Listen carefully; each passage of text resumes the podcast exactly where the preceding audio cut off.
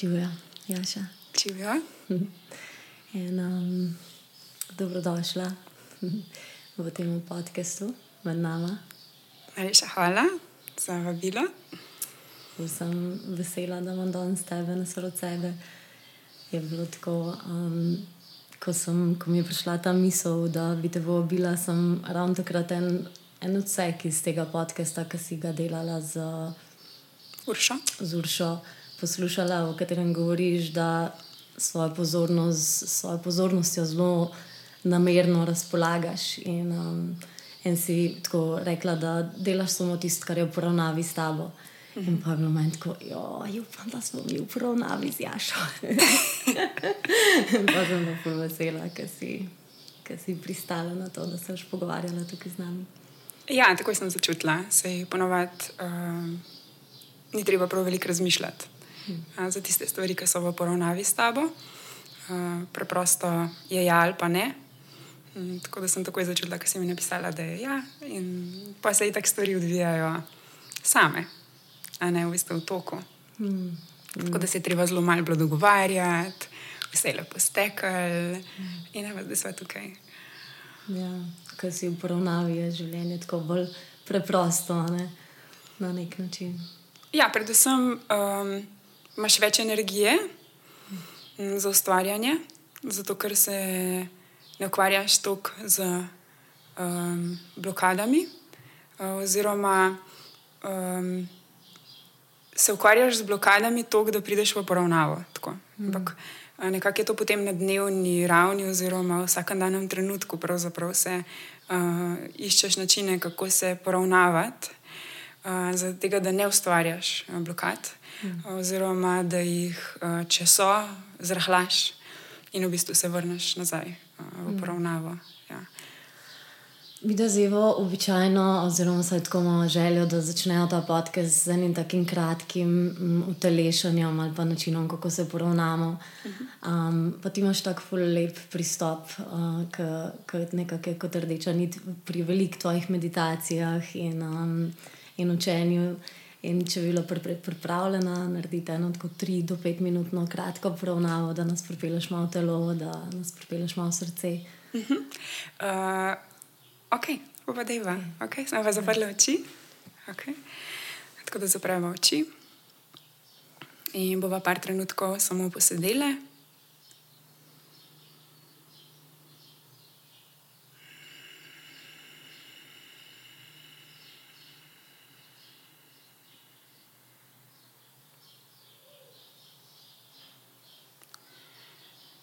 Tako in se najprej začneš zavedati prostora, v katerem si.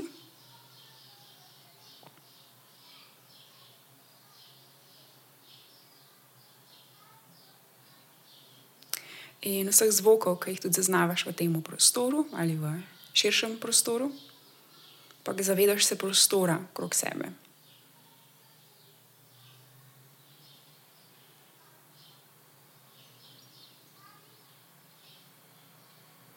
In začutiš ta prostor. Kakšen je ta prostor, v katerem si?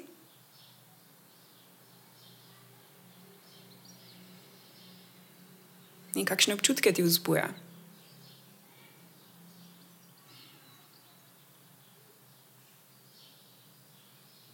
In karkoli začutiš, je v redu, in karkoli opaziš, je v redu. Samo si s tem, kar je v tem trenutku, in dovoliš, da je, kar je.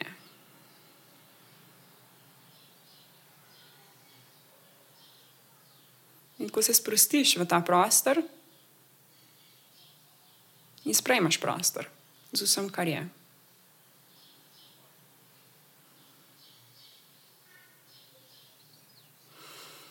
In tako iz tega bolj razširjenega prostora se zdaj osredotočaš na prostor okrog sebe, karkoli za te pomeni ta prostor. Prostor, ki je bližje tvojemu telesu.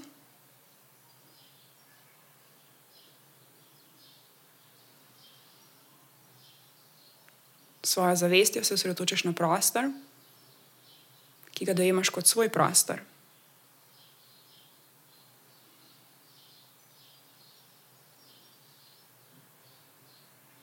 In opaziš, kakšen je ta prostor, kakšen je v tem trenutku tvoj prostor. In kaj je v tem trenutku prisotno v tvojem prostoru?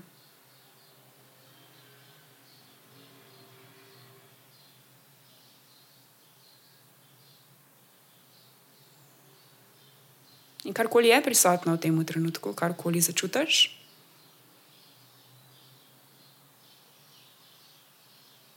to opaziš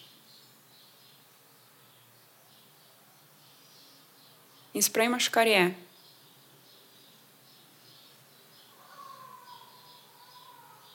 In dovoliš, da je, kar je.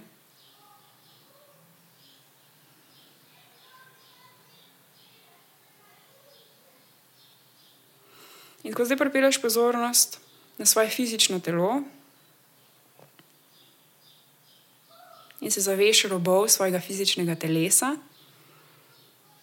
robov, ki ločujejo tvoj notranji prostor v tem trenutku od širšega prostora. Tako da se zdaj zavedaš robov svojega fizičnega telesa. in začutiš svoj notranji prostor.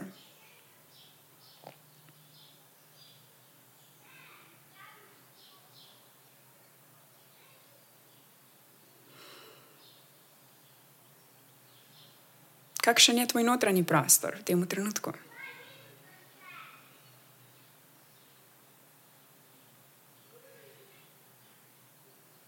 In tako potuješ svojo zavestjo po svojem notranjem prostoru, po notranjosti svojega telesa in opazuješ, ali je mogoče ki več energije, manj energije, kam te vodi tvoja zavest, ko rečem, da je ki več energije, manj energije.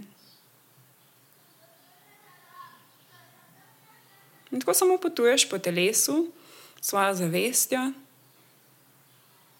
in raziskuješ ta prostor. Nič ni za narediti samo za opaziti in dovoliti, da je kar je.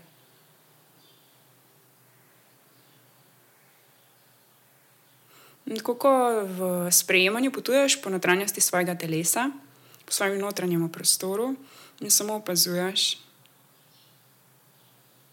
in dovoliš, da je kar je. Se vse energije v telesu začnejo uravnovešati v skladu z tvojo naravno inteligenco za naravno inteligenco tvojega bitja. In samo dovoliš, da se to dogaja. Ko si popolnoma prisotna, utelešena in dovoliš, da se dogaja vse, lahko začutiš to notranjo poravnanost vedno bolj in bolj.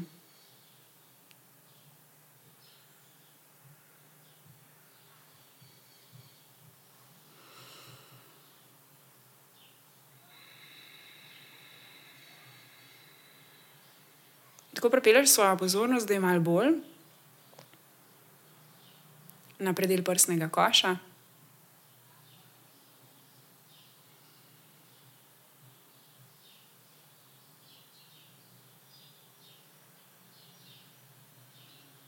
in pripelješ svojo pozornost bolj na svoje srce in svojo zavestjo potuješ v srce, kakorkoli te vodi tvoja intuicija.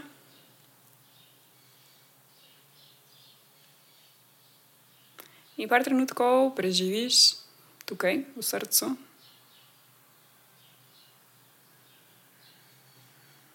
Ker srce uravnoveša vse.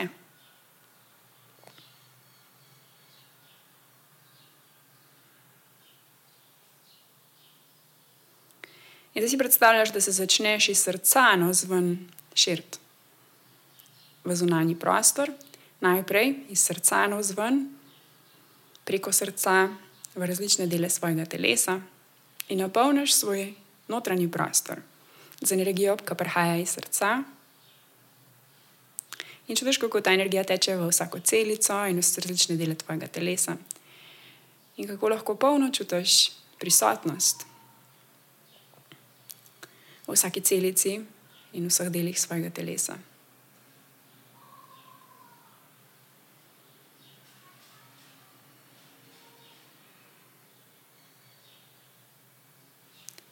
Prisotnost v vsaki celici, v vseh delih svojega telesa, zdaj peleš svojo pozornost na spodnji del telesa in začutiš podlago pod sabo.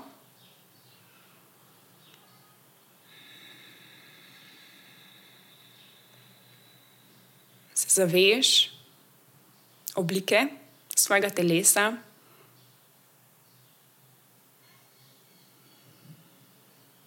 Se zaveš tega fizičnega sveta in se povežeš preko svojega telesa, zdaj za mati zemljo.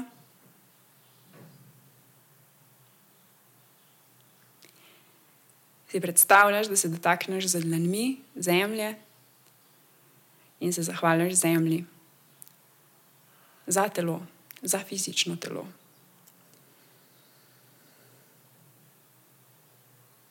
In začutiš to polno povezavo z njo in z vsemi elementi, ki ustvarjajo tvoje fizično telo.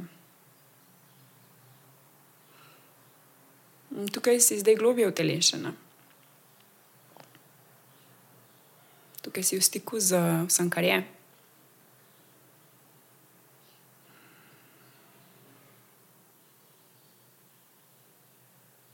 Par trenutkov še preživiš tukaj v tej prisotnosti. In kot prejš oči, vse ostane enako. Še vedno si globoko zasidrana v sebi, še vedno globoko čutiš svoje telo, še vedno globoko čutiš povezanost z mati zemljo in vsemi njenimi biti. Tukaj si v stiku z naravo.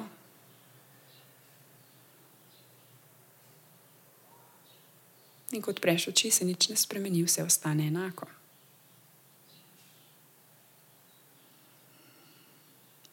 In počasi v svojem ritmu odpreš oči.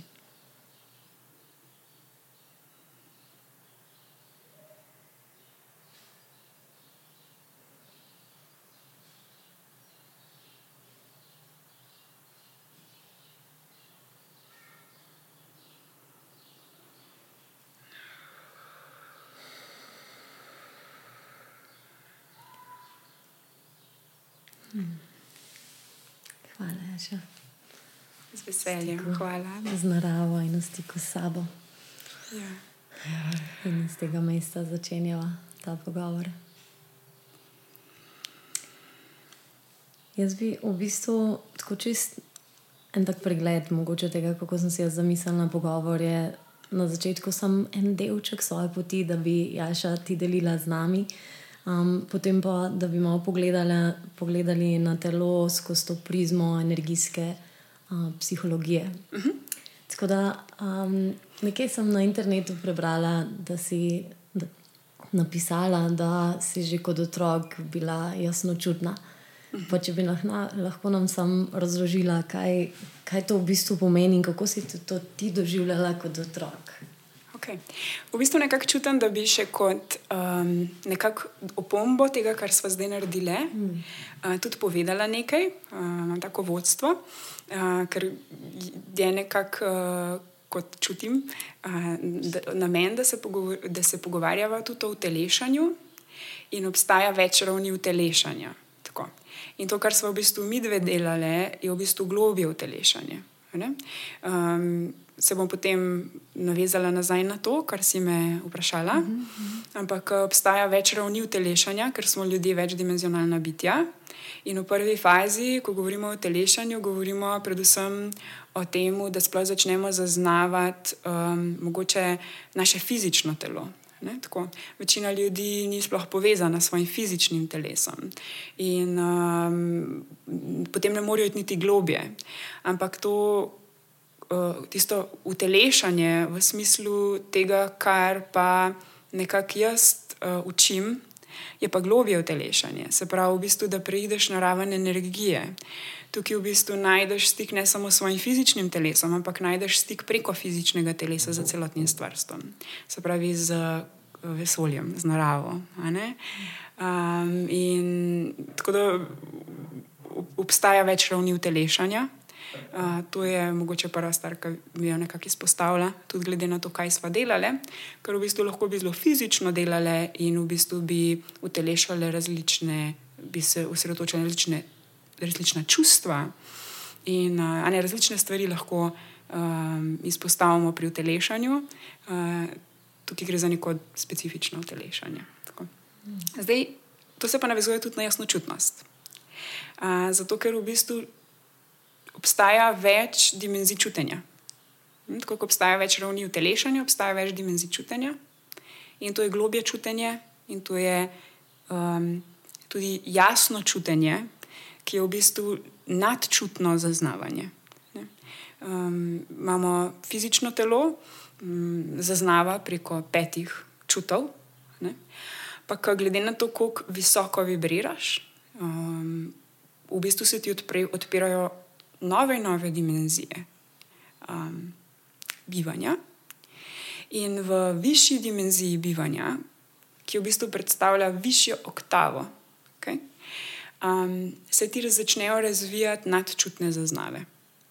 To je v bistvu odvisno predvsem od tvoje uh, frekvenc, frekvence, od tega, kako zaznavaš resničnost. Mm, ker če tvoja zavest, če ne vibriraš dovolj visoko, če tvoja zavest ni dovolj razvita, ne moreš zaznavati resničnosti subtilno.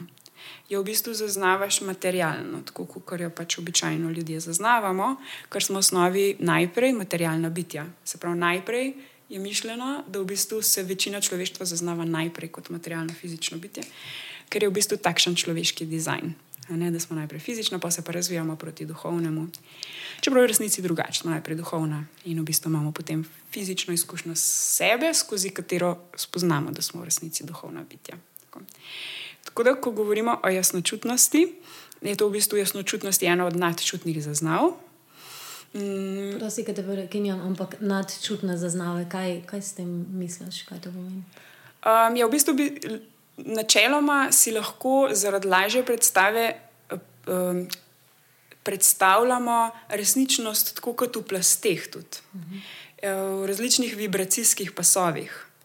In zaradi lažje predstave si jih včasih pač predstavljamo, kot da so nekako ena nad drugo, nižja dimenzija, višja dimenzija. Čeprav to ni, ni v resnici tako, ne obstaja više, nižje, gre pa v bistvu lahko za neke frekvence, ki so više, pa nižje.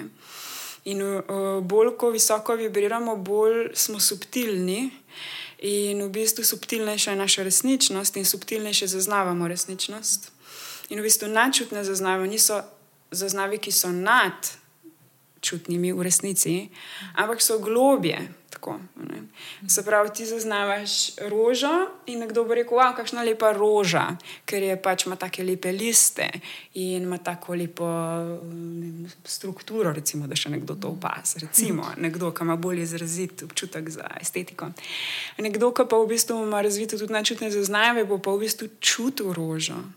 Rekel, wow, kakšno lepo bitje, wow, kakšna zavest te rože. Vsaka roža ima drugačno zavest, vsako drevo ima drugačno zavest, zato ima drugačno vibracijo. In tako da tukaj s tem je mišljeno nadčutno zaznavanje. In ti v bistvu zaznavaš vibracije, in potem jih pač glede na različne zaznave tvojega telesa, sluh, von, vid, ne, zvok, še vedno gre skozi te zaznave ampak gre za to, da zaznavaš globje, se pravi, vib bolj vibracijsko, energijsko. Tako, tem govorimo o nadčutnih zaznavah. Hm? In um, pravi, jaz, ko govorim o svojih izkušnjah, um, vedno rečem, jaz v bistvu še vedno raziskujem svoje lastne izkušnje. Uh, jaz, v bistvu, moje življenje je raziskovanje mojih lastnih izkušenj. Uh, jaz imam najprej izkušnjo in ogromno jih imam, zato ker se tudi v življenju zavestno spravljam v situacije in okoliščine, kjer v bistvu imam lahko nove in nove in nove, nove izkušnje. In zato je moje življenje življenje v neznanem. In potem v bistvu gremo vse izkušnje raziskati. In tako se v bistvu učimo sebi, in tako se učimo človeku, in tako se učimo človeštvu. Zato ker čutim, da sem kot duša zato da se učim o človeku in človeštvu in te informacije zapisujem in jih v bistvu tudi uh, predajam naprej. Da, ko si me vprašala glede jasnočutnosti, um, sem kot otrok um, z, z tem zavedanjem, ki ga imam zdaj in raziskovanjem, ki sem ga upravljala v svojem življenju. Imam občutek, da, prišla, da sem prišla sem v, v ta svet že z razvito, se pravi, srčno čakro, ja? uh, energijsko. Ker lahko, na lahko pridemo z različno razvitimi energijskimi središči. In od tega je odvisna tudi naša zavest, koliko imamo razvit energijski sistem. In moj občutek je zdaj, ko sem raziskovala in svoje življenje za nazaj, sem od vedno globje zaznavala vse, predvsem pa čutila vse. In predvsem človeka. A ne se pravi, ko sem se s človekom povezala, nikoli nisem videla osebnosti tega, kar človek kaže. Vedno sem v bistvu čutila, hej, hej, a ne, tisti, ki je hej, a, a, a, duša, a ne. In potem sem bila zelo velikrat zmedena v življenju, sploh z ljudmi, um, zato ker pač v, narava ni takšna, da ima maske.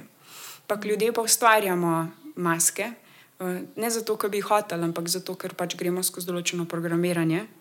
Um, in nimamo tudi odprtih, vedno teh zaznav.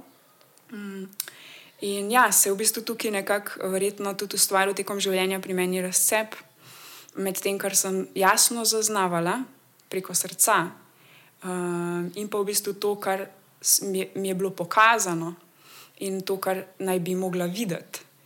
Um, kot resničnost. Pa resničnost je globje. In zdaj živim iz jasnočutnosti in se zavedam, da ko se nekaj ne sklada, to, kar vidim, pa to, kar čutim, ni narobe to, kar čutim. Tudi to, kar vidim, ni narobe. Ampak običajno to, kar vidim, ni, uh, bom rekel, ni skladno z naravo. To, kar čutim, je skladno z naravo. Um, se pravi, če imam, komuniciram z nekom in v bistvu čutim razcep, v smislu med tem, kar čutim in vidim, zdaj ne bom več podob, pod, pod, podvomila svoj občutek. Zdaj bom v bistvu to, kar čutim, to je pravi občutek. Uh, to, kar vidim, pa v bistvu dovolim, da je kar je. Ampak v bistvu ne, ne ustvarja več razcepa v moji zavesti, kot pa lahko da je v otroštvu. Hmm. In ta, ta jasnočutnost mi je pač povzročala izzive v otroštvu in povzročala mi je izzive še do pred ne, šestih, sedmih let, ko sem v bistvu imela to eno močno duhovno izkušnjo, ki je spremenila v mojem življenju vse. In takrat v bistvu pa pol se mi je začelo vse obračati in sem začela živeti vedno bolj iz te uh, jasnočutnosti in tudi razvijati v bistvu druge načutne zaznave, ker je jasnočutnost osnova za razvoj drugih zaznav, vsaj po moji izkušnji. Hmm. Ti si potem, ko si v bistvu nekako recimo v ta odrasla leta prišla, si se ukvarjala z um, osebnim trenerstvom, pa um, kot fitness trenerka si bila um, v fitness industriji, si bila tako v bistvu, ker se mi zdi neko znano ime. No? Jaz, ker sem Matjaža v mojem umelu, ja, še vedno, ja, ona, ona je v fitnessu delala, pa mi tako ne fitness, prosim te. Pa sem šla pa pogledat, imamo to zgodovino in sem videla, da imam prav. Da um, bi nam zaupala, kakšna je pot od um, fitness trenerja do alkemistke. ja. Uh, ja. Uh, se pravi. Že čez dele, eh, ko um, pogledam na svoje življenje, se mi zdi, da sem živela več življenj v tem življenju. In uh, mislim, da jih bom še nekaj živela v tem življenju. Uh, ni, ni nekako za to življenje mi je namenjeno, da se stalno preobražam in da, da se preobrazim v tisto obliko, ki v bistvu lahko izpolni namen v skladu z višjo voljo. Tako da nisem tako navezana na to, kdo moram biti, ampak se bolj sprašujem, kako lahko upravim svoj namen. To je zdaj. Um, če pogledam nazaj, je bilo v bistvu enako prej samo da se nisem zavedala tega, zdaj zavestno živim in v bistvu zavestno živim iz više volje.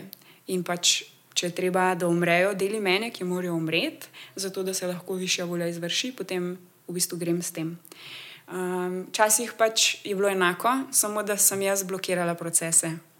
In enako je bilo v bistvu tudi z tem vadbenim centrom, um, ko bi mogla spustiti, ko bi mogla iti naprej, ko bi mogla stvari drugače narediti, jih takrat nisem znala. Uh, predvsem pa sem uh, bila preveč izčrpana, ker sem doživela uh, izgo izgorelost, adrenalno pa bom o tem mogoče malo spregovorila, ker je ta tema, ki je danes zelo, zelo pač pogosto. Mm. Uh, da preprosto na koncu več nisem imela kapacitete energijske, da bi stvari lahko speljala drugače, kot sem jih. In takrat v bistvu se je vse zaključilo, res zelo hitro se je zaključilo. In tako tudi imam že eno. Če v bistvu ne grem za sporočili v pravem času, zdaj grem, če ne v bistvu življenje mi odreže in reče, zdaj pa pač dovolj dolgo smo ti dali znake, dovolj dolgo smo te vodili, ne? in zdaj pa pač, a ne, it's done, move on. Ne? Tako nekako je bilo tudi takrat. Uh, tako da ni, ni, to se je zgodilo za me. Uh, takrat v bistvu se je to zgodilo za me. Um, ni pa ta uh, preskok tako nasproten si kot ljudje mislijo, da je. Se pravi, mikrokozmos, makrokozmos. Ko sem jaz gledala nazaj, pa se je nekaj, zakaj sem jaz mogla, jaz sem bila sicer športnica, uh, tenis sem trenirala, ja? se pravi, moče je teniški trener. In v bistvu najprej sem sicer se ukvarjala z izraznim plesom par let, uh, potem z glasbo, mal. Um, predvsem sem risala veliko, tako zelo različne stvari, ko, ko sem bila mehna, sem uh, počela, ampak pa, pa nekako sem se verjetno tudi ne, kot spodbuda zaradi očeta, ne se pravi, me on spodbujal k temu. Um, sem v bistvu tenis začela uh, trenirati in sem trenirala tenis uh, do nekje 18 let.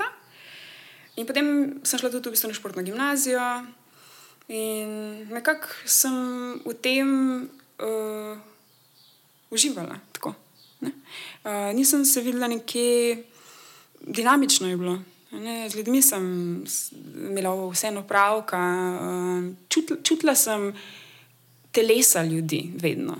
Ne, se pravi, kinestet sem. Ko se nekdo premakne, jaz začutim, kaj se je premaknil, kako se je premaknil. In nisem se dolgo časa zavedala, da to čutim, ampak me je pa vodil v smer gibanja. In ne toliko v smer. Ne, osebni trener, da boš zdaj pa ljudem pomagal, da bojo pa fizično ne, v najboljši formi, tako na izgled. Ampak bolj um, ravnovesje. Vedno sem čutila ravnovesje, tudi v telesu, vedno čutim ravnovesje. Uh, in sem v bistvu v tistem času, ko sem uh, bila trenerka, uh, zelo, zelo razvila občutek za notranji, se pravi, red v smislu gibalnih vzorcev, v smislu geometrije telesa. Ne? Se pravi, človeško telo je sveta geometrija. In bolj, ko si ti usklajen z vzorci svete geometrije, tudi v telesu, lažje zasidraš višjo zavest. Tako da, sem jaz vprašala, viš jaz, zakaj sem jaz mogla pol, da to čez, zakaj je teh deset let, pa vadbeni center, pa vse to. Pa mi viš jaz rekel, pa švidla. in zdaj vedno bolj razumem, zakaj. Prvič zaradi tega, ker sem mogla zelo, zelo se naučiti obvladovati svoje fizično telo. Ker ko si držiš višjo zavest, moraš imeti zelo dober stik s fizičnim telesom. In uh, more, se pravi, če višji, ki greš, globi moraš iti. Um, to, to je prvi, prvi namen tega mojega življenjskega obdobja. Mm, plus tam sem mogla držati zelo veliko kapaciteto energije za cel vadbeni center. To sem tudi kasneje še v bistvu videla. Um, to so stvari, ki jih včasih sicer ne vidimo, ker gledamo samo na materialni ravni, kaj imaš za narest. Ampak ti lahko zelo, ti v bistvu stalno napajaš neki svojo energijo, karkoli počneš. In to, to je v bistvu tudi delo. Samo mi ga ne priznavamo kot delo, to je v bistvu pač energijsko delo. Ne? Tako da sem se mogla tam naučiti držati zelo velik prostor za velike skupine ljudi. Takrat tega nisem delala zavestno, zato sem se tudi izčrpala in v bistvu doživela um, adrenalno izčrpanost. Ampak zdaj to enako počnem, samo da zdaj počnem to zavestno. In v bistvu se obnavljam skozi energijsko, da lahko to počnem. Mm. Tako da to, kar zdaj počnem, je v bistvu na neki ravni enako, kar sem prej počela. Samo da zdaj to počnem še z XY dodatnimi telesi. Ne, tam sem vas samo uh, mogoče zajemala fizično, mentalno, pa čustveno telo, se pravi, nek psihofizični aparat človeka, uh, ki pa ni celotno bitje. Ne, tako da sem potem prešla na raven duše. Ampak zato, da duša se lahko teleša, da duša lahko živi svoj namen na zemlji, uh, potrebuje imeti usklajena vsa telesa. Fizično, uh, pač terično, čustveno, mentalno, mora biti v poravnavi. Hmm. Tako, tako da, uh, ja, mi je služilo. No, hmm.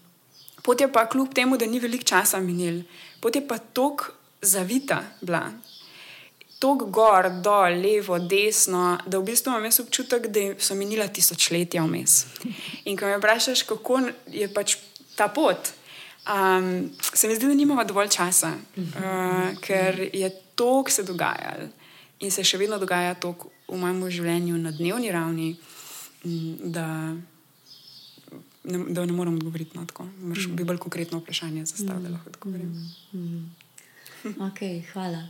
Um, telo je eno tako čudo, skozi katero imamo mi nek portal, da vstopimo ali pa pristopimo bliže k sebi, spoznamo bolje sebe. In, um, če bi pogledala zdaj na ta človeški dizajn skozi prizmo um, te energijske psihologije, kako se je duša utelesla in um, kako nam to razumevanje v bistvu energijskih centrov pomaga. Jaz si predstavljam to kot en zemljevid, mi je tako. Uh mhm. -huh. En zemljevid, ki te vodi do raznih mest, ki mogoče potrebujejo še nekaj ekstra tvoje pozornosti in raziskovanja da se mogoče narediš en korak bliže k celovitosti. In, um, jaz sem včeraj sem prav šla gledati, kdaj sem bila v Indiji. 2011 sem bila v Indiji in takrat sem, zač, takrat sem naredila svoj prvi uti, učiteljski tečaj um, iz joge. In se pravi, zato sem šla gledati, ker me je zanimalo, kdaj sem se začela malo bolj poglobljeno ukvarjati, učiti, spoznavati uh, energijske centre. In uh, od takrat sem naredila še štiri take učiteljske tečaje in, in v bistvu spoznavala te centre skozi različne uh, in kulture in tradicije. Ampak moram reči, da tvoj način, ne vem, mogoče tudi zato, ker že imam to zaledje, dokler sem prišla, ampak način, kako si ti. Razložila nastanek teh energijskih centrov, mi je bil tako nekaj najbolj organskega in naravnega. In mi je dal, mogoče te malo bolj abstraktne podobe, mi je povezal eno celoto, mi je dal še um, malo širšo sliko, malo um, širše zavedanje tega, kako obstajamo te, na tej energijski ravni. Kot bolj utelešeno, ne? si lahko verjetno ja, začutila. Ja, bolj integrirano. Bolj mogoče integrirano, prej se mi ja. zdi, da so bili skozi te centri zelo ločeni. Ok, sej pač energija potuje od najnižjega odpora čakra do sedme gor, ampak način, kako si ti razložila, je pa. Ne vem, tako kot zraste drevo, tako smiselno je bilo povezano, neločljivo povezano. In, um, vem, da je tako široka tema, pa mogoče, da sem tako zelo ambiciozno zdaj to zadala. Ampak tako, če bi lahko v parih besedah malo sem iz tega mesta človeškega dizajna, kjer smo se iz enosti uh, ločili kot duša, izbrali svoje starše uh -huh. in potem se utelesali. Kako je ta proces utelešanja in nastanka energijskih centrov? Um, V bistvu je to moja najljubša tema. Yes. Tako da sem povesela, da si me to vprašala. To je moja najljubša tema, zato ker tukaj sem zaradi telešanja. Mm. Mm, se pravi, eh, kot duše pridemo tudi tisti, ki smo poklicani. Aj, trenutno uh, oziroma od leta 2012, uh, eh, se v bistvu energijsko tudi spremenjajo um, pogoji na Zemlji. Mm, zdaj ne bom se spuščala preveč v to, pa tudi zdaj, 2012, neka specifična letnica, ampak gremo reči nekje 2012. In um, določene duše, saj po mojem spominu, smo zato tukaj. Um, zdaj, vse, v končni fazi smo vse duše zato tukaj. Ampak določene duše, recimo, bom zdaj zase govorila, da ne bom preveč posploševala, ampak imam spomin, oziroma se mi vedno bolj prebuje spomin, zakaj sem tukaj. In v bistvu zaradi služenja, se pravi na tem prehodu. In uh, vsaka duša, ki je s tem namenom tukaj specifična, se pravi, da čuti, da je to res prav specifično poslanstvo, ki je prišla sem živeti, ima nek drugačen pristop.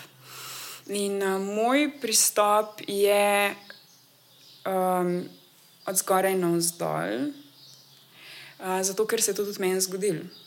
Se pravi, jaz sem v bistvu doživela kondilini sindrom kot posledico adrenalne izčrpanosti uh, in v bistvu je moja zavest razširila. Uh, v bistvu. Ampak moja zavest je ostala razširjena. Uh, nisem bila pa integrirana, ker se je to tako hitro zgodilo. Se pravi, iz prve čakre, da bi mi vse butnili gor, v gor, sedmo, jaz sem bila v razširjenem stanju zavesti, meni je bilo vse jasno.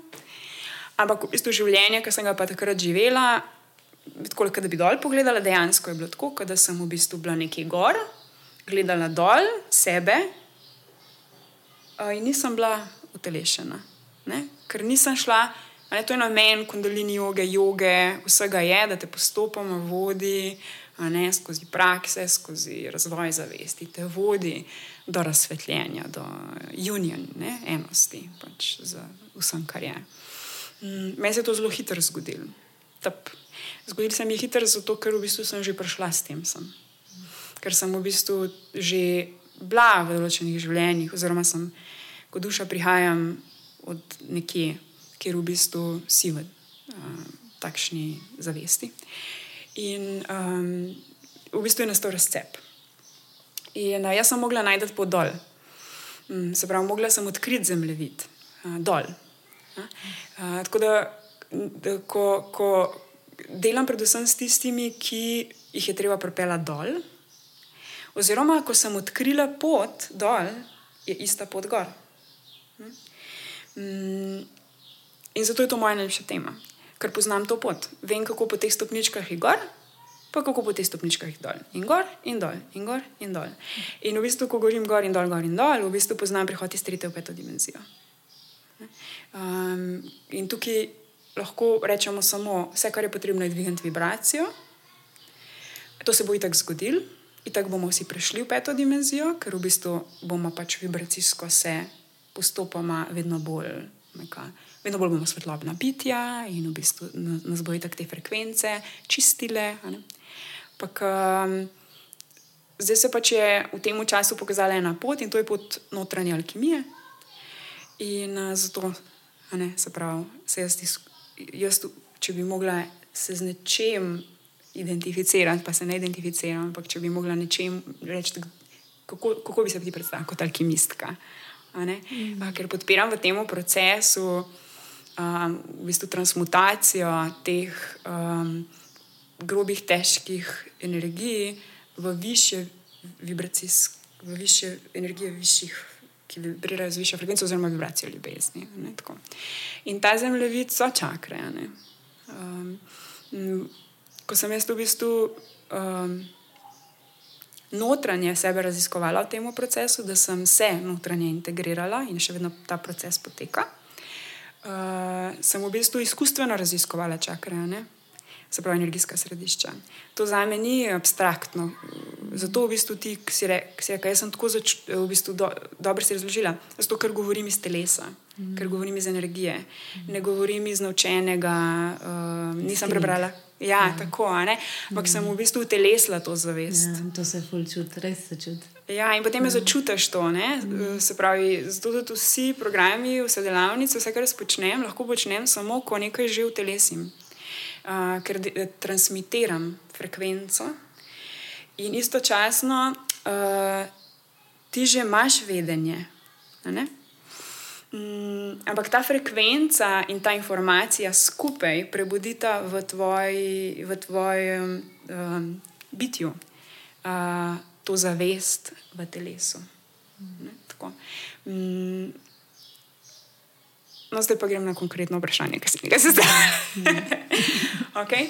uh, ampak, v bistvu, delno sem že odgovorila, mm. zaradi tega, ker uh, tudi recimo zdaj delam z velikimi, še ne rojenčki, jim rečem. Uh, to so v bistvu duše, um, ki še niso rojene. Uh, otročki, ki prihajajo na zemljo in velikokrat v bistvu navežejo stik uh, z mano preko višjega jaza. Uh, mama ne ve včasih, zakaj jo pokliče meni. In potem ugotoviva, da je v bistvu višji jaz otroka, tisti, ki je izpostavil stik. In uh, potrebuje, ja, v bistvu vodstvo, ne vodstvo, ampak um, frekvenčno uskladitev z mamo, pa tudi z zemljo ker gre v, v drugačno vibracijo in rab varen prostor, zato da se lahko telesi. In zato, ker v bistvu uh, mame včasih, ko se duše odločijo za to, da se bodo telesle skozi njih, še ne vibrirajo s tako frekvenco, kot jo ima duša, uh, ali pa, pa nimajo razvitih toliko intuitivnih sposobnosti še, inicijira duša otroka, stik z mano. Da mama začne v procesu dvigovati frekvenco, da se otrok začne v tem prostoru počutiti bolj dobrodošlega na zemlji in da se med njima ustvari sing sinhronost v frekvenci, in tudi mama vzpostavi potem lahko lažji stik z otrokom in začne sodelovati z otrokom v procesu utelešanja. Mm, tako da. Ne glede na to, ali gre za bitje, ki še ni inkarnirano, ali gre pa za bitje, ki je že inkarnirano, ampak v bistvu zavest še ni polno utelešena, običajno mm, nekako Eh, preko višjega jaza vzpostavijo uh, stik z mano in jim pomagam priti na zemljo, na, na poti na zdaj. In to je, ta, to je to, kar sem v bistvu tudi razlagala. Ne, verjetno to si v, v tem spletnem programu Sveti odnosi si slišala. Kje so ti, v ja. kateri razlagi, ja, na, ja, na različnih ja, koncih? Svetih odnosov. Ja, ti. Um, Ja, v bistvu eh, zdravo se mi zdi, da, da najprej pogledamo, da smo duhovna bitja in energijska bitja. Uh, zato, da se zavedamo, da, v bistvu, da je v bistvu naš že vse, da se moramo samo spomniti. Ker če izhajamo iz tega, da smo materialna bitja in da moramo nekaj še postati, in to je duhovna bitja, in da moramo zato vsak dan nekaj narediti in delati prakse in delati jogo in delati, ne vem, hoditi v gurujom in tako, potem v bistvu. Um, izhajamo iz tega, da nečesa nimamo in da nekaj še nismo. In resničnost pa ne deluje tako. Uh, če ti izhajaš, da nečesa nimaš, da nekaj še nisi, to ne moreš aktivirati uh, vse. Zato samo v bistvu jaz predstavljam ponovadi od zgoraj in vzdolj. Uh, zdaj pa, ja, na kratko, v parih besedah, ja, telešanje duše, človeški dizajn. Uh, zdaj to velja za prehod iz višjih dimenzij v tretjo dimenzijo. Okay? Zato, ker v bistvu v vsaki dimenziji se odprejo nove, nove energijske središča. Tako, ne, tako da zdaj to velja za, za tre, tretjo dimenzijo, okay? utelešanje v tretjo dimenzijo. Mm, in tukaj v bistvu imamo kot osnovo sedem energijskih središč. In um, mi velikokrat gledamo, da se duša razvija, da se v bistvu človek razvija od zgoraj in od spodaj na vzgor. Se pravi, najprej razvijaš prvo energijsko središče, drugo energijsko središče, tretje energijsko središče. Ampak na podlagi česa ti to razvijaš? Um, na podlagi kao izkušenj, ki jih imaš v otroštvu. Tukaj je pa drugače. Tukaj pa v bistvu duša se spušča dol, sedma, šesta, peta, četrta, tretja, druga. V, kot eterično, ne, uh, energijska sreča so v eteričnem telesu. In že informira za svojim dušnim načrtom, za svojo izvorno dušno matrico, že informira energijska središča. Ja? Ustvarja kalup za to, kako se bodo oblikovala v odnosu do izkušenj potem energijska središča. Pravi, obstajajo energijska središča v večjih energijskih telesih, v večjih dimenzijah. A mi pa gledamo običajno samo na sedem, samo v tretji dimenziji. Ko ka duša pride dol, v bistvu najprej informira preko eteričnega telesa. In potem se pa v bistvu na podlagi teh informacij, ki jih v bistvu duša prenese v v energijska središča. Se pravi, to so tudi informacije iz preteklih življenj in tako, karma, pač, kako se je duša odločila, da bo imela izkušnje. Um, potem pa v bistvu takšne izkušnje tudi ima.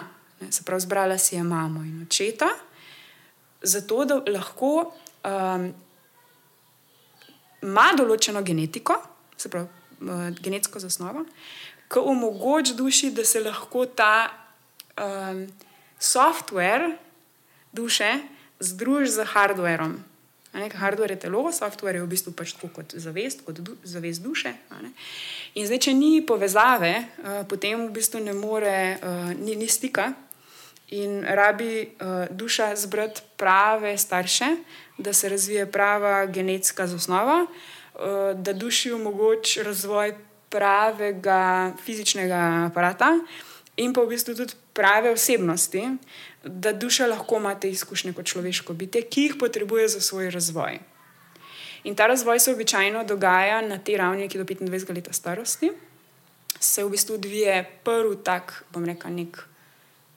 Obstaja več različnih ciklov razvoja energijskih središč, ampak tak nek ve, eh, manjši, mak, eh, manj, manjši makrocikl, okay, se pravi, ne mikrocikl, ampak manjši makrocikl, je nekje do 25 let starosti. In do takrat v bistvu bi bilo najbolje, da bi se človek bil voden tako, da se res osredotoča na razvoj sebe kot posameznika, v odnosu do duše. Ja. Do 25 let. To pomeni, da se res ukvarja z temi energijskimi središči, da razvija postopoma energijska središča v skladu z nekimi univerzalnimi zakoni, naravnimi zakoni. In tako tudi v bistvu razvija svojo celovitost. Kar pa se v bistvu dogaja, je pa to, da mi um, programiramo um, nezavedno, ker živimo tudi v taki družbi, ki ne spremljamo ni, um, ni aktivirano to zavedanje, ne upošteva naravnih zakonov in izvornih principov stvarstva. Uh, v bistvu mi sidramo določena pač prepričanja in nekje do 25 let um, tudi bolj zasidramo kot neko svojo osebnost. In potem gremo v bistvu s tem v življenje. In potem na temelju tega, če živimo nezavedno, 25 let nadaljnih približno, kaj je naslednji cikl, uh, ustvarjamo življenje iz teh podzavestnih programov, In pri 50 letih, običajno ljudje, kriza srednjih let, pogledajo na teh preteklih 25 let in rečejo, kaj sem ustvaril. Ja, ker si ustvaril v bistvu iz podzavestnega programiranja. Um, zdaj, malo težko je vse to razložiti, kaj je tako široko in celovito in globoko. Ampak recimo, jaz spodbujam, se pravi, duša že vse ima, kar pride. Uh, zdaj ima, seveda, tudi karmo in v tem ciklu časa je to, kar se zdaj pogovarjava, in um, je bil tudi del božanskega načrta. Uh, je del božanskega načrta. Ampak za, vedno za prihodnost uh, se bomo pravzaprav vračali nazaj na to, kar je že bilo. In to je v bistvu, da vidimo bitje kot dušo, in duša sabo že nosi vse, kar potrebuje za svoj razvoj. Naloga staršev je v bistvu, da so tako povezani z bitjem, ki pride, se pravi, sploh mama, skozi njo na svet, uh, da v bistvu bolj uh, s, um, spodbujajo in, um, edinstvenost te duše. Ne izhajajo tukaj iz paradigem družbe, kakšen, kako bi lahko razvoj uh, potekati. Pa pri starševstvu se mi zdi, da imamo velikrat ali pa da je neka taka zastarela paradigma, da ti moraš pa zdaj vzgojiti otroka, da mu moraš, kot da si ti njegov rešitelj, zdaj, da ga boš ti popravil in naredil tazga, kot mora biti, da bo najboljši. Ne, da je v bistvu totalen shift paradigma, kle, če gledaš iz te strani, ja, da si tukaj za njega um, pa da mu mogoče kažeš pot v to družbeni okvir um, in norme, ampak da ga vidiš kot popolnega, takšen, mhm. kakršen je že po naravi, ne, ne kot nekaj, kar moraš ti ustvariti, da bo ustrezal nekim pričakovanjem družbe. In se mi zdi, da ta um, shift se dogaja, mogoče pri meni, ampak tudi zdi se mi tako, da vidim, da se dogaja kolektivno tudi ta mhm. premik. Um, drugačnemu pogledu na otroka, na ja, starševstvo. Ja. Ja, predvsem to, ja, da ti ni treba ustvariti otroka, polk je že enkrat ustvarjen. Ja. Ker si v bistvu življenje že ustvarjeno, življenje je že teče ne? in uh, v sebi nosi pač vsako bitje nek edinstven zapis in če se odvija v skladu s tem zapisom, če se razvija v skladu s tem edinstvenim zapisom, ne? tako kot drevo, tako kot roža, ne? se pravi, ima nek izvorni zapis in samo čas je potreben in pravi pogoji so potrebni, ne rabaš pa ti v bistvu korigirati uh, tega drevesa, pa te ja. rože, ja. pa mu ga učiti, kako bi v bistvu drevo moglo rasti, ja, mm. zato da razvije svoj najvišji potencial. Drevo že ima to vse, mm. tudi človek že ima to vse. Ampak uh, te blokade naše, se pravi, ki izvirajo pa, pač primarno iz nekih psihičnih vzorcev.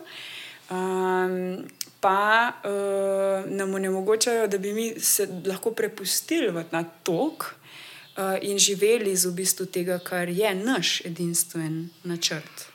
Um, oziroma, pač potem tudi, uh, če imamo otroke, uh, velikokrat projiciramo na njih uh, to, kar je v bistvu v nas, um, in želimo v bistvu na njih ustvariti tako, kot smo mi, ali pa še velikrat pa je v bistvu tako, da jih želimo ustvariti tako, kot mi nismo uspeli sebe ustvariti.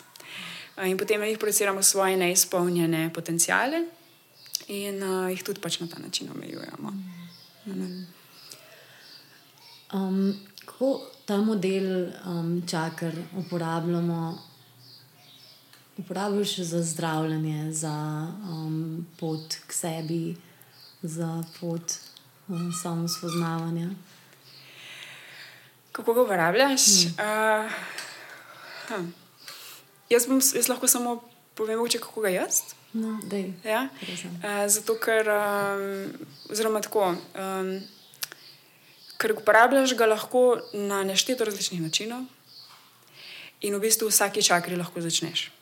Kot je toliko različnih poti, kako uporabljati sistem energijskih središč. Odvisno, kje začneš, odvisno, s kakšnim orodjem začneš, ne, ker je nešteto možnosti. Uh, jaz v bistvu se notranje uravnavam tako, da gremo srce. Mm, ne uporabljam več sistema čakar, ne uporabljam več nobenih tehnik, ne uporabljam več ničesar skoraj. Uh, uporabljam v bistvu srce in povezavo z višjim jazom. To. In dih, če že kaj. Um, preprosto pač gremo v srce in v bistvu, ko sem par trenutkov v srcu, se mi začne energija uravnovešati ker srce, se pravi, ko greš res v srce, tam ni noč, je praznina. In ko si v tej praznini, se vse postavi na svoje mesto, vse se poravna. In tako da ti ni treba več delati mentalno, da ti več ni treba obvladovati, zato ker greš samo srce in se začne postavljati na svoje mesto. Jaz sama sabo zdaj tako delam. In v bistvu tudi z ljudmi, ko delam transmisije, se pravi individualno ali pa tako, v bistvu jih samo vidim kot popolne in v bistvu se vse začne že samo uravnovešati v polju. Mm. Pa kar bolj mentalen ali pa praktičen način uporabe energijskih središč. Mm, je pa uh, zdaj spet odvisen od tega, kje želiš začeti. Uh, veliko ljudi začne, želi začeti in pač začne na pač fizičnem nivoju. Uh, in v bistvu to pomeni, da obstajajo različne ne, um, asane, uh, jogijski položaji, ali pa tudi ne samo jogijski položaji, ampak različne vaje, tudi somatske vaje, pač ne vem. Dihalne vaje, zelo nekaj, kar počneš. Ljudem je v bistvu najprej, kaj lahko naredim. Pa veliko ti ni treba res nič narediti, večina ljudi bi pač se mogla naučiti, predvsem biti prisotni v trenutku in dovoliti, da se dogaja za njih vse. Ampak večina ljudi pač do tega je na pot. Delati. Um, lažje v naši družbi, ki je tako naravnana v to um, delovanje napram stanju biti. Tako, ja. je lažje začeti z nekim upremljivim um, modelom, ja, pa koraki, pa ja. delom, ki ga imaš, da prideš do tega, da samo si. Pa se tudi večina ljudi, v bistvu, res tudi jaz vidim, ko delam z ljudmi, vedno dajo tudi neke prakse. Že zaradi tega, da v bistvu prevzamejo odgovornost. Mm. Ker če ti z nekom delaš energijsko in v bistvu se ta oseba v stiku s tabo pač poravnava notranje, že samo zato, ker je v taki vibraciji. In se mu pač prebujajo, pol tudi seveda blokade in ima čustveno čiščenje zaradi tega. Ampak zdravo je, da v bistvu kot nekdo, ki vodi ljudi skozi te procese in jim omogoča, da se notranje poravnavajo s tem, kar resnično so. Um, da tudi v bistvu jim daš nekaj urodja, če ne drugega, že zaradi tega, da v bistvu on, oni prevzamejo odgovornost za ta proces. In v bistvu se naučijo tekom tega procesa sami zase ustvarjati takšno stanje. Tako da jaz ful pri, priporočam prakse. Ja, ja. Uh, sam jaz jih v bistvu ne uporabljam več tok, ker um, se dosti hitro pač postavim, Povežiš, ja. povežem in v bistvu se vse zgodi. Um, tisto, za kar sem pa v bistvu specifično tukaj, pa kje, kje je moja, kar sem rabila, uh, danes bi rekla temu niša. Mm -hmm. Ampak v bistvu gre za to, kje imaš pač razvite bolj potencijale. Sem pač psihik, mm -hmm. uh, se pravi, živim v svetu psihe.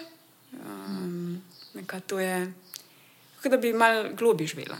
Um, zaznavam subtilne tokove psihične, um, misli ljudi, čustva ljudi.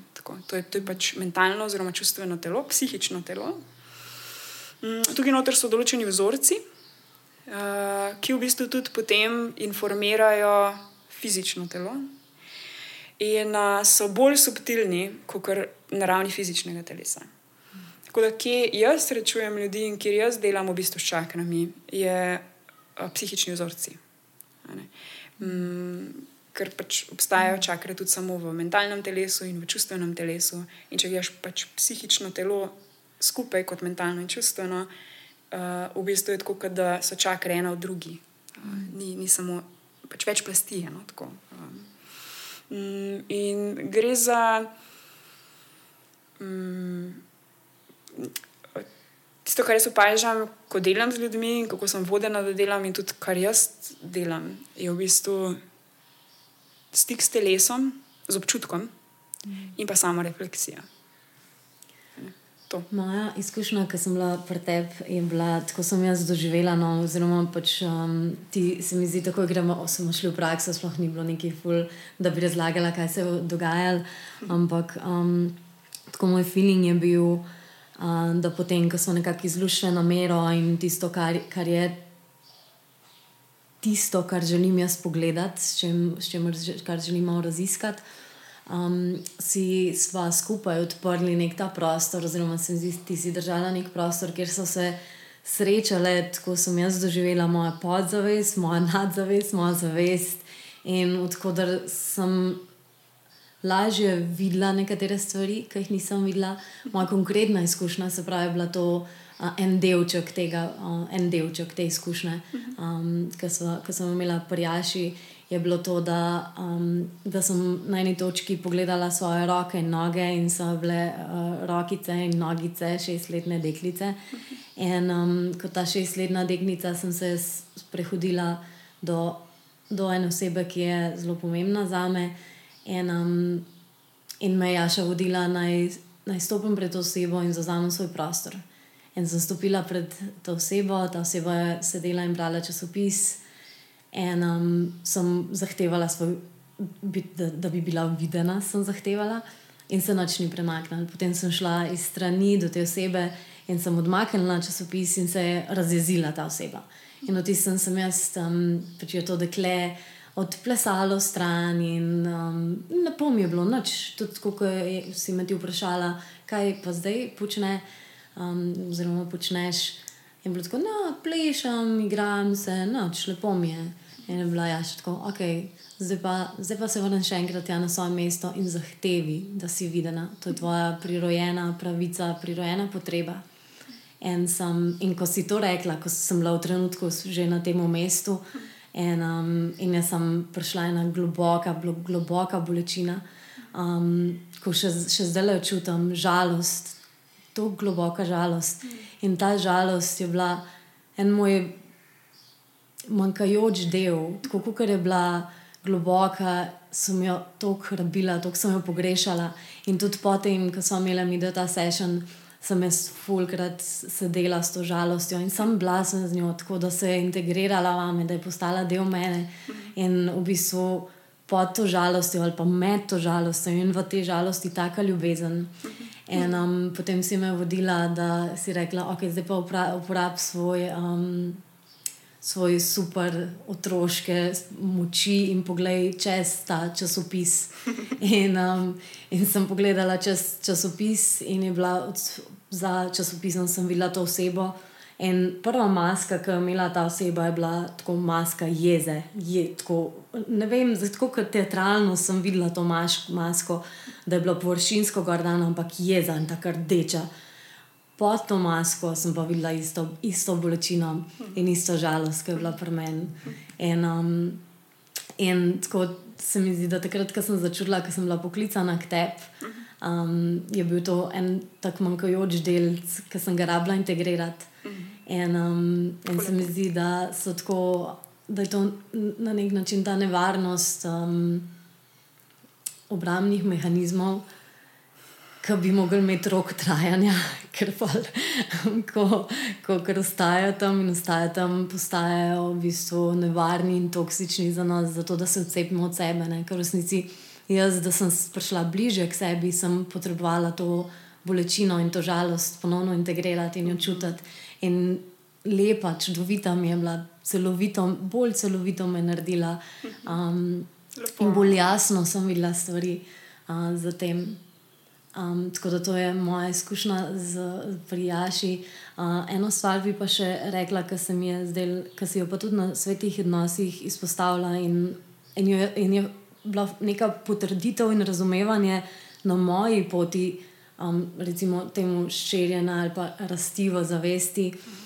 Um, da, da deli, ko prideš na tej poti, da bolj ko zrasteš v zavesti, manj greš v zgodbe, bolj stvari predeluješ skozi telo. Um, se pravi, zgodbe so ego, telo je pa tista um, energija, utelešena um, ob, skozi občutke v telesu. Pa bi mogoče še eno izkušnjo tukaj delila, ki je tudi, um, ki je mogoče bila pa, pa nek vzrok, ki me je tudi pripeljal do tebe takrat. Um, in sicer, ko smo zdaj začeli snemati ta podcast, um, tako se spomnim, da prvič, ko smo zares posneli, posneli kle, um, da je bilo da, da prvo, tako dober občutek, pa pa kasneje tako skozi nekaj prihaja za mano, skozi neke take slabe občutke v telesu, skozi, skozi bolj me žara, skozi večjo stisko sem imela. In prvo je šel moj um te, če bi bila v tistem trenutku čisto ločena, bi sam opazila v telesu, se pravi, to je bilo neko rodovitno polje za me ki rodovitno v tem smislu, da so preplavale na površje neke bolečine, neki strahovi, um, neke, uh, neki programi, ki so dvignili glavo v tistem trenutku v mojem notranjem svetu. In, um, in se spomnim, da prvo, v tisti prvi dan, da sem šla čisto noter v, v, v um in v zgodbe, in je bilo tako. Kaj ti delaš, nimaš pojma, pa niti ne znaš govoriti, tako da bi um, bilo zanimivo za druge za poslušati, niti nimaš znanja, niti imaš, mislim, tako tak fulne, um, močen, oster, notranji kritik. Potem pa um, sem naslednjo jutro imela tako zjutraj eno uro joge in vmes med to jogo. Um, se pravi, spomnim, nekaj smo ostali, ni, sploh nisem bila osredotočena v tem smislu na sebe, nisem iskala, včasih jih takrat um, bolj jasno vidiš um, ker sem tako slikal sebe, ko stojim in da začutim to bolečinsko telo, to, kar sem je prejšnji dan začela oglašati.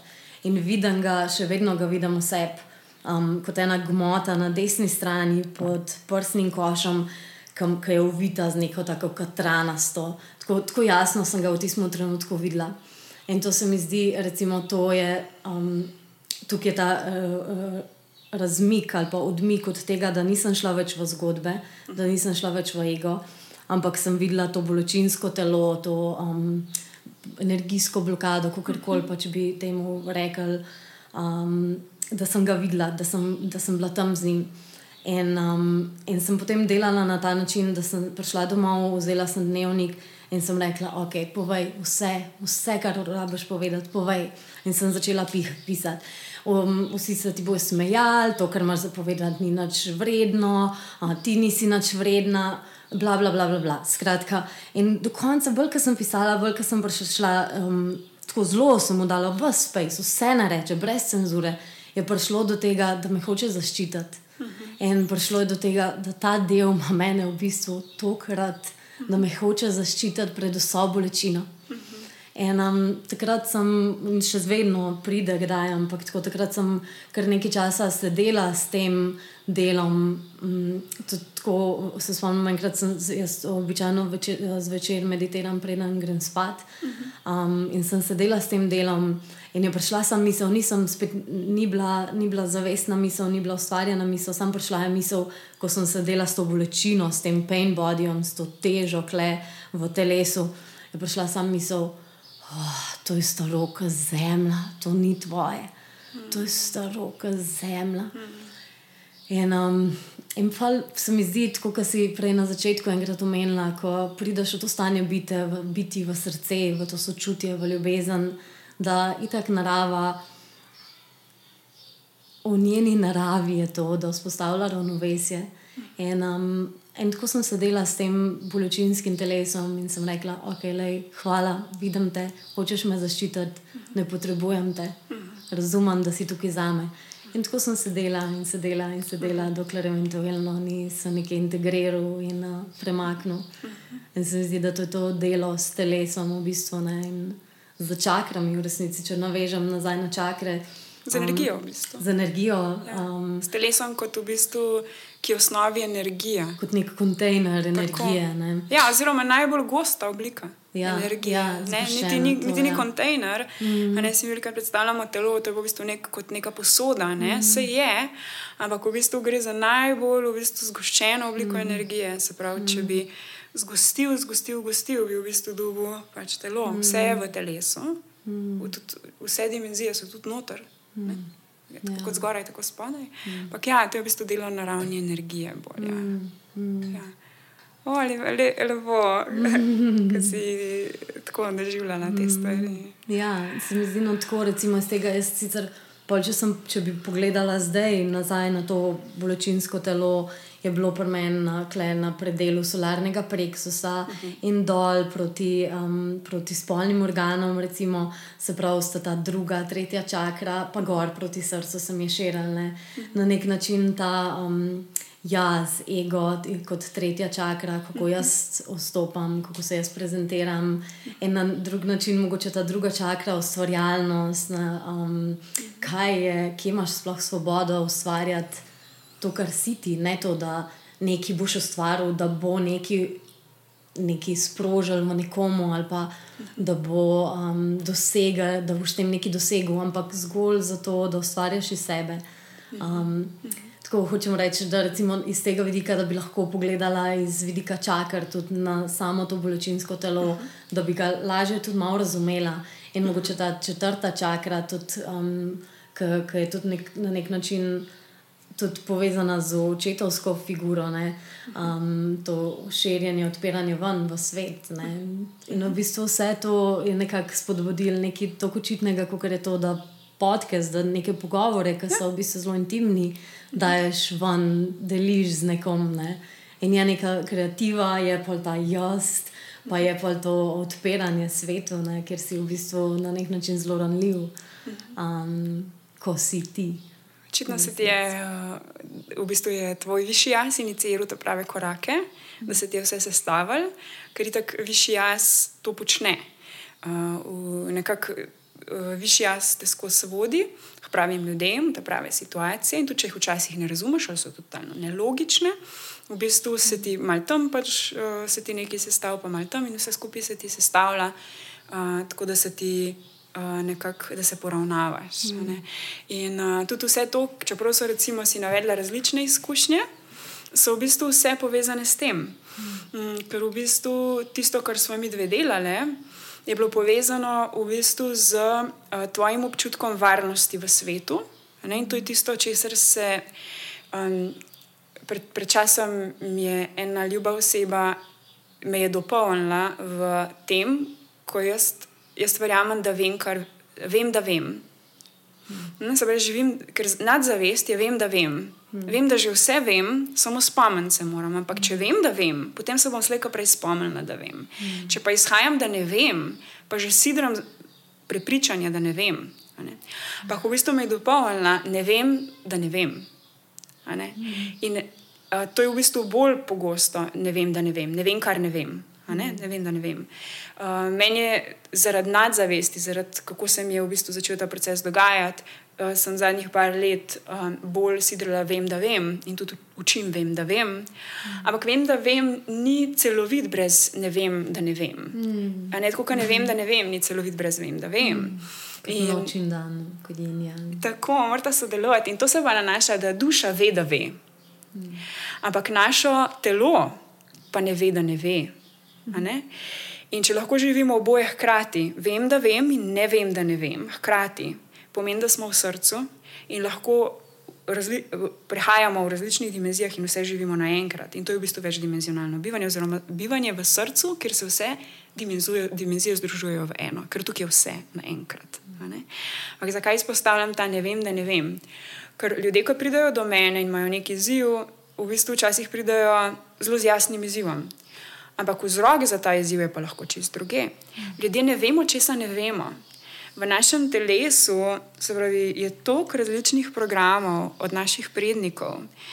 Da, recimo, tista postavitev, ki smo jo mi dve naredili, ki si mogla iti do te osebe, pa je ta oseba imela časopis, je bila za te zelo pomembna. Zato, ker v bistvu si dobila pogled, da je ta oseba globoko v sebi zelo žalostna. In um, da ti si v bistvu povezana s to osebo na neki ravni, bila preko te žalosti. Ne vemo, da smo z neko osebo povezani preko žalosti, če nismo v bistvu bili povezani na drugačen način, ker ta oseba, ker neka oseba v našem življenju mogoče ni predelala neke travme, mi smo jo pa podedovali ali pa v bistvu smo jo prevzeli ali karkoli. Potem v bistvu mi ne vemo, da, da smo mogoče povezani uh, s to osebo na ta način. In um, največkrat, uh, ker je pač uh, namen utelešanja, um, uh, uh, največkrat me vodi z ljudmi v prvo čakro. Ne? In uh, v prvi čakri pomeni, da imaš svoj prostor. In v bistvu, kaj ti onemogoča, da bi si vzel svoj prostor. In velikrat je to, nisem dovolj dober, nisem vreden, Zato, ker sem imel izkušnje v otroštvu, kjer nisem bil viden, nisem bil slišen, nisem bil priznan, nisem bil cenjen. Nisem bil v bistvu, mogoče sem bil ful pohvaljen, pa ful nagrajen, ampak za nekaj, kar nisem. Za nekaj, kar nočem početi, kar me ne veseli. In pa sem počel to, zato ker zato sem bil nagrajen in v bistvu to sem pač, uh, tako sem dobil pozornost. Mm za tisto, kar pa pač resnično sem in v bistvu tisto, kar me veseli, tisto, kar bi rad počel. Pa v bistvu zato nisem dobil pozornosti, nisem bil dobil ljubezni, kar pomeni, da v bistvu to ni dovolj dobro, ni dovolj vredno. In to pomeni, da v resnici res nimam prostora, da sem to, kar sem. In tako se ti pojavi, da začutiš, jaz bi pa počel to, jaz pač to je moje poslanstvo. Jaz pač da, da sem to tisto, kar sem. Strah, ful velik strah. Mm. Zato, ker pa se ni prostora za to se ni prostora, da, da sem jaz to, kar sem. To je v bistvu pr prva, pa moraš dol prideti. Prizemljiti moraš to, kar je v srcu, moraš prepeljati dol, skozi solarni pleksus, skozi drugo čakro, v prvo čakro in pa moraš to prizemljiti. In si moraš vzeti prostor na zemlji, to pomeni. Točno takšen, kot si. In če, ja, če bi gledali ne samo energijska središča, ampak vsako energijsko središče transmitira energijo in ustvarja polje energije. In tako obstajajo plasti, kaj se jim reče energijska telesa. In uh, ta prehod med četrtim energijskim središčem ali pa tem energijskim telesom do prvega, ker ti v tele, ker imaš ti utelešen, utelešaš to, kar je duša, je psihično telo mes. In če bi imeli čisto psihično telo, če bi, ga, če bi stalno čistili psihično telo, če bi stalno živeli iz pretoka in se ne bi zatikali bi skozi to, kar prihaja skozi srce, sidrali na zemljo, skozi. Mm. Se pa zatika v psihičnem telesu. Mm. Mm, da, ja, moram veliko to v bistvu najprej, če se ustvari prostor v prvi čakri in se prečistijo te programi, uh, ki so v prvi čakri, se potem v bistvu avtomatično začnejo tudi drugi in tretji. Uh, ne, tako, tako da je to čisto intuitivno. Mm. Uh, sicer pa sem hodila še nekaj izpostaviti, če lahko. Če, če, ja? okay. uh, in sicer um, Ja, to je pa v bistvu bilo tudi v tem, ne spletnem programu Sveti odnosi, pa se mi zdi tako pomembna tema. Ko jaz v bistvu vodim spletne programe ali pa delavnice, se tudi jaz učim. A, zato, ker v bistvu eh, črpam iz nadzavesti. Ne? Mm, in tako včasih rečem, wow, fuler, tega pa nisem vedela. in tako tudi zasidram to. Pa, kar sem še bolj uh, utelesila, je zavedanje izvorne rane ločenosti. Mm. To se mi zdi tako, da je bilo tako učenje, ki je zelo močno zaresoniralo vseh. Mm, ljudje, če, nismo, če se ne zavedamo, kakšen je človeški dizajn in da je v bistvu ločenost uh, naša izvorna rana, ampak da smo mi ločeni po, po dizajnu, da v bistvu je to del človeškega dizajna, vsaj v, temu, v tej fazi razvoja, uh, pač v tej fazi evolucije, a ne zavesti, ki jo skušamo mi. Um, potem v bistvu skozi iščemo eno ljubezen, skozi iščemo neki. neki Ne, večina ljudi nekaj. Zdravilo za to bolečino, ja, še huj za praznino. Mm. Ne? Pa ne to praznino, ki jo mi čutimo, ko smo v srcu, ki je v bistvu razširjena praznina, ki je neskončnost, ki je večnost, ki je enost. To je tudi praznina. Ampak ljudje čutijo praznino, pa ne vejo, kaj čutijo. In spodaj je bolečina. V tej praznini je globoka bolečina ločenosti. Praznina v bistvu kot obrambni mehanizem deluje ker je tista bolečina preveč za prenesti. Ja, ker je v bistvu kot otrok, mm. uh, nisi prene, se pravi, bilo pretežko. Um, ja, nisi imel kapacitete, da bi si mogoče razložil, da bi bil zavesten. Mm in drugi niso bili zavestni, da bi ne, ja, pomagali. Naši starši niso znali biti z bolečino. Tako. In ti si še ponotril njihovo, ja, ker, ker kot otrok, sploh od nas, otroka z mamo, ne, je v bistvu ena zavest na začetku. Mm. In, in tudi če mama sedela, da je vse v redu, ampak globoko v sebi pa ni predelala določenih stvari, bo otrok čutil to, kar v bistvu mama v podzavesti mm. čuti. Tudi če ona misli, da to ne čuti. Mm. Ne. Mm. In tako, ja. Eh, ko, ko, ko si jemljemo spet nazaj pravico biti tukaj na zemlji, v telesu in čutiti vse, kar čutimo. Od najtemnejših stvari do najsvetlejših stvari. In tega ne več vrednotimo kot dobro ali slabo, takrat v bistvu smo polno utelešeni lahko. in takrat lahko polno, lahko polno izražamo jezo, žalost, um, agresijo, vse lahko polno izražamo. Ampak to izražamo v ljubezni. Mm. Ker je vse enako vredno in vse je sveto, vse je mm. del človeške izkušnje. In ta, um, ta beseda svetost je pri tebi tako zelo um, pogosta in mi je meni tudi ful pod kožo zlezla. Um, že ta bolečina, v bistvu izvorne rane, ne, samo po sebi je lahko ali vodilo v neke obrambne mehanizme in deli stran od sebe, v maske, v neko občutek zgubljenosti ampak ima pa potencial tudi, v bistvu je sveta in ima potencial, da te vodi ravno v raziskovanje in bliže k sebi in bliže k celovitosti. In ful mi je všeč pri tebi, ki imaš tako, ki se mi zdi. Um, Da, je, da sem ful ponotranila to, da so v bistvu, če pogledaš iz tega človeškega dizajna, da je naša duša prišla na ta svet, zato da izkuša te stvari, ki se nam dogajajo v odnosih, v um, službi, v vsakdanjem življenju. Če pogledaš te stvari iz tega vidika, vse postane sveto. Vsaka izkušnja je sveta. In ko, ko doživljaš te izkušnje kot svete, popolnoma spremenijo izkušnjo, kako si s tem in dajo v bistvu neko to vrednost, ki te pelje naprej v rasti zavesti. Ja, to, je, to, je dari, to je darilo preobrazbe zavesti. Ja, in to je v bistvu na nek način alkemija. To je alkemija. to je alkemija. Ja. Ja, da se ti ne samo čustveno telo. Um, ker veliko v bistvu alkimija je, alkimija je v bistvu preobrazba, je v bistvu mm. umetnost preobrazbe. Zdaj, velikokrat govorimo o alkimiji, tudi ta ne svinca, zlato in to so pač simboli, to so metafore ne? Um, ne za preobrazbo zavesti. Pa, ko, se pravi, ko um, moje vodstvo, moje više vodstvo um, me vodi, da delam in s čustvenim in mentalnim telesom. Ker alkimija lahko poteka tudi samo na ravni čustvenega telesa. Recimo energijsko zdravljenje Mm, ali pa delo vem, z kondolini energijo.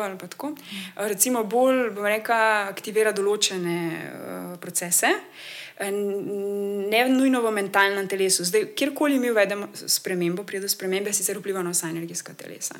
Ampak jaz imam specifično vodstvo, da uh, te koncepte, uh, gre, za, gre za spremembo konceptov. Mm mišljenja tudi in dojemanja resničnosti skozi prizmo mentalnega telesa. Um, ker ti, ker to je to, zato, da mi lahko spremenimo pogled, moramo spremeniti slike. In slike so povezane naše spomine.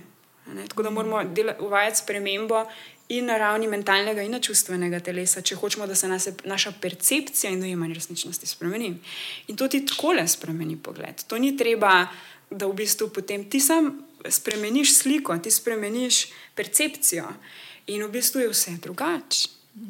Ker naenkrat od tega, da v bistvu jaz moram še priti tja, jaz moram še postati to, jaz moram še 30, 40, 50 let delati na sebi, zato da bom pa jaz izkušal svetost kot duhovno razvito bitje, ki se je. Ne vem kaj. Ne? Uh, v bistvu, ne, jaz sem to zdaj. Jaz sem tu v tem trenutku in v tem trenutku točno takšen, kot sem, z točno temi starši, ki sem si jih izbral, točno tukaj, kjer sem se rodil, točno v tem partnerskem odnosu, ki sem. Ne glede na to, točno temi otroci, ki jih imam, te službe, ki sem, tukaj zdaj sem že razsvetljen. Sam zavest se moram že tega. Samo že spomniti se moram, da sem si to zbral in da to služi meni. To vse služi meni, wow, to je tukaj za me, ta človek, ki me iritira zdaj že ne vem, tri leta tukaj v tej službi. Hvala ti. V bistvu, to, ti si moj učitelj, in če si pač ti lahko tako ponižen do, do tega človeškega dizajna. In v bistvu, do, do, ne, tako, da jaz včasih dejansko imam to izkušnjo, da nisem tukaj in sem tukaj hkrati. Se pravi, da bi sanjala samo sebe in sem ustvarjala vse to. In zdaj v bistvu sem v tej igrici, kot da je to neka virtualna resničnost, in sem zavestna v tej igrici. Tako. Uh, in potem pač imaš različne vloge. Uh, če uh, vidiš, da, so, da, da je v bistvu vse tukaj zate. Uh, in da imaš samo teste, preizkušnje. A bo šel, a je level 1, level 2, tako kot igrice. tako je UPS, če ne pa, ne, ne, going back to the level 1. ja, to ne, pa imaš tam toliko bonusov, ki jih v bistvu še lahko nekako več uporabiš. Ne, tako, uh, glede na to, kakšno imaš karmo iz preteklih življenj, imaš tam pač več bonusov, če jih pač nimaš dobre karme, imaš manj bonusov in potem pač imaš, nimaš dovoljenja, da tokrat zafrkneš, recimo, da greš na level 2. Mm. Tako. Uh, tako, s, tem, s tem odnosom mogoče lahko živiš zdaj. Hmm. In to je pomembno, da živiš zdaj. Hmm. Ne, da tudi, ko delaš na sebi, misliš, da bo potem, ko boš pa dovolj dober, ko bo pa nekaj drugače, ko boš pa drugačnem v drugi državi, v druga, drugi službi, v drugem partnerskem odnosu, v drugem drugačnem telesu, karkoli. Hmm. Da potem pa v bistvu boš pa tam. In v bistvu glih iz, teh, iz tega nivoja energijskih centrov, tako svoj svet, skozi nošljaš vse. Mhm. Vse pa čas komuniciraš od tukaj in vlečeš svoje okoliščine, svoje situacije. Zato ti, ki se sprašuješ, zakaj se meni vedno to dogaja. Zato, ker ne nekje na nezavedni ali pa kasneje tudi v zaveščeni ravni, um, vse čas ustvarjaš situacije, v katerih lahko narediš premik, ko jih prepoznaš, zavestiš in um, in greš ponovno v to alkemijo. Ja, in, in, in to je v bistvu zelo svobojoče v tem smislu, da ne.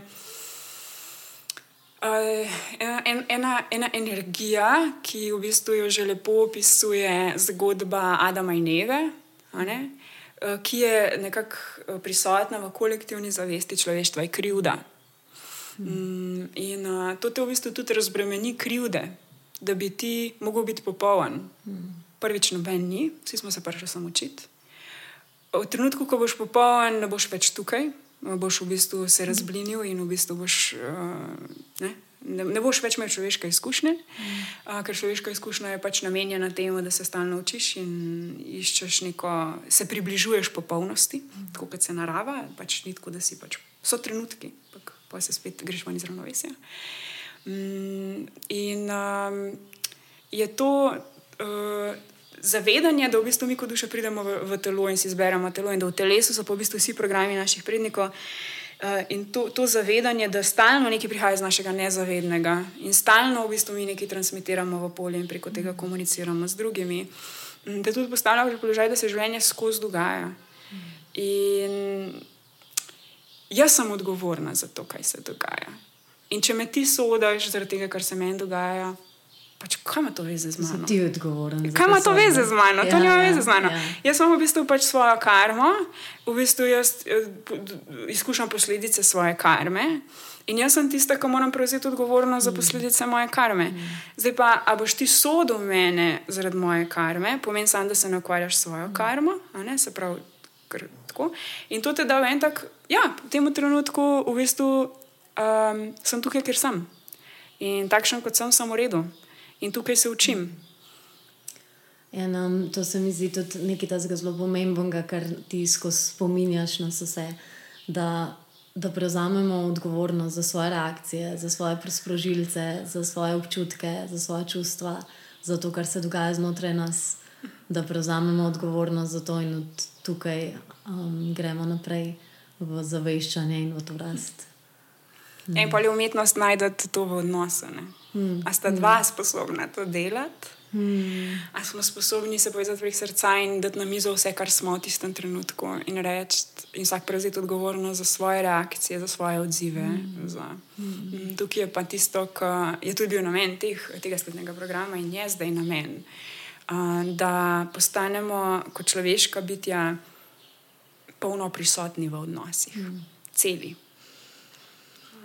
Tako, to je to. Zdaj, ja, ja, še lahko s tabo, ker še pogovarjam in pogovarjam in fulani stvari. Bi se še pogovarjala s tabo, ampak imam občutek, da se kletko na en čas malo on zdaj, tako, da je prišel po en krok, um, da nekje moramo zaključiti tole vesolje. S čim bomo um, pa zaključili? V bistvu, jaz bi rada sem prvo tako. Um, predstavila ali pa povedala uh, tistim, ki jih je Jaša pritegnila, ki jim je spregovorila. Um, Jaša dela tako kot individualno mentorstvo, potem ima fulejnih res dobrih spletnih programov, um, ki ti dajo res en tak širok pogled in razumevanje sebe in neko. Um, Nek, nek se mi zdi tako, nek načrt, po katerih lahko narediš korake za korakom, za korakom, um, bliže k sebi in, in v to rast, ki jo vsi nekako, kateri stremimo. Um, poleg tega ima pa še uh, te skupinske trans. Transmisije. Skupinske energijske transmisije. Ja, ja slišiš se, full fancy, full za dobro slišiš. Ja. Um, taka potovanja um, duše v bistvu kot neke vodene meditacije. Tako da bom, bomo, bomo dali tudi zraven, bom dala en um, link, ki bo vodil do Jašine strani, um, kjer si lahko pogledaš več. Um, za zaključek pa mogoče ne vem, ali imaš ti kakšen feeling, kako bi zaključila, bi mogoče podelila temu, ki zdaj le posluša neko misel ali pa nek nasvet, kam se obrniti, kakšen korak narediti. V bistvu bi se ti najprej zahvalila, mm. tako to čutim, da je najbolj na mestu v tem trenutku, da si inicirala to srečanje, pa odprla ta prostor. Um, zato, ker um, je to tisto, kar tudi mene najbolj izpolnjuje, da lahko uh, delim, kar je za podeliti v nekem prostoru, ki je srčen uh, in je odprt za to. Ne? Tako da, hvala, najprej za to. Um, Ja, mogoče da mi par trenutkov, hmm. okay, samo tako, da se notranje ja, ja. da vidim, kaj je v tem velikem polju zavesti.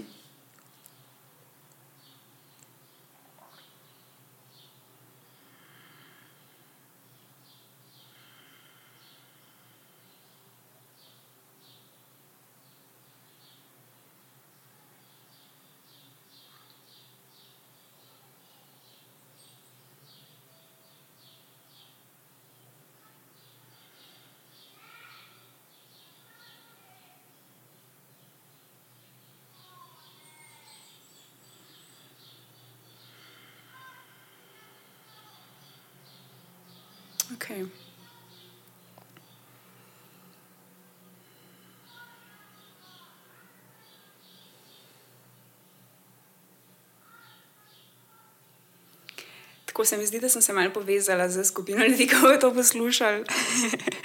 A ne tako potem dobiš eh, nekako iz uh, etra. Um, prva stvar, ki sem jo v bistvu dobila, je to, kar vedno dobim. Čez vedno to dobim, v redu je. Hmm. Čez vedno to dobim. Vedno, kader moram karkoli zaključiti, če bi mogla eno sporočilo predati, v redu je. In to je v bistvu, če poslušaš, kaj to pomeni lahko globje dojameš sporočilo. V redu je, vse je v redu, vse je v redu. In ne glede na to, kaj mi počnemo tukaj kot človeška bitja in verjamemo, da počnemo.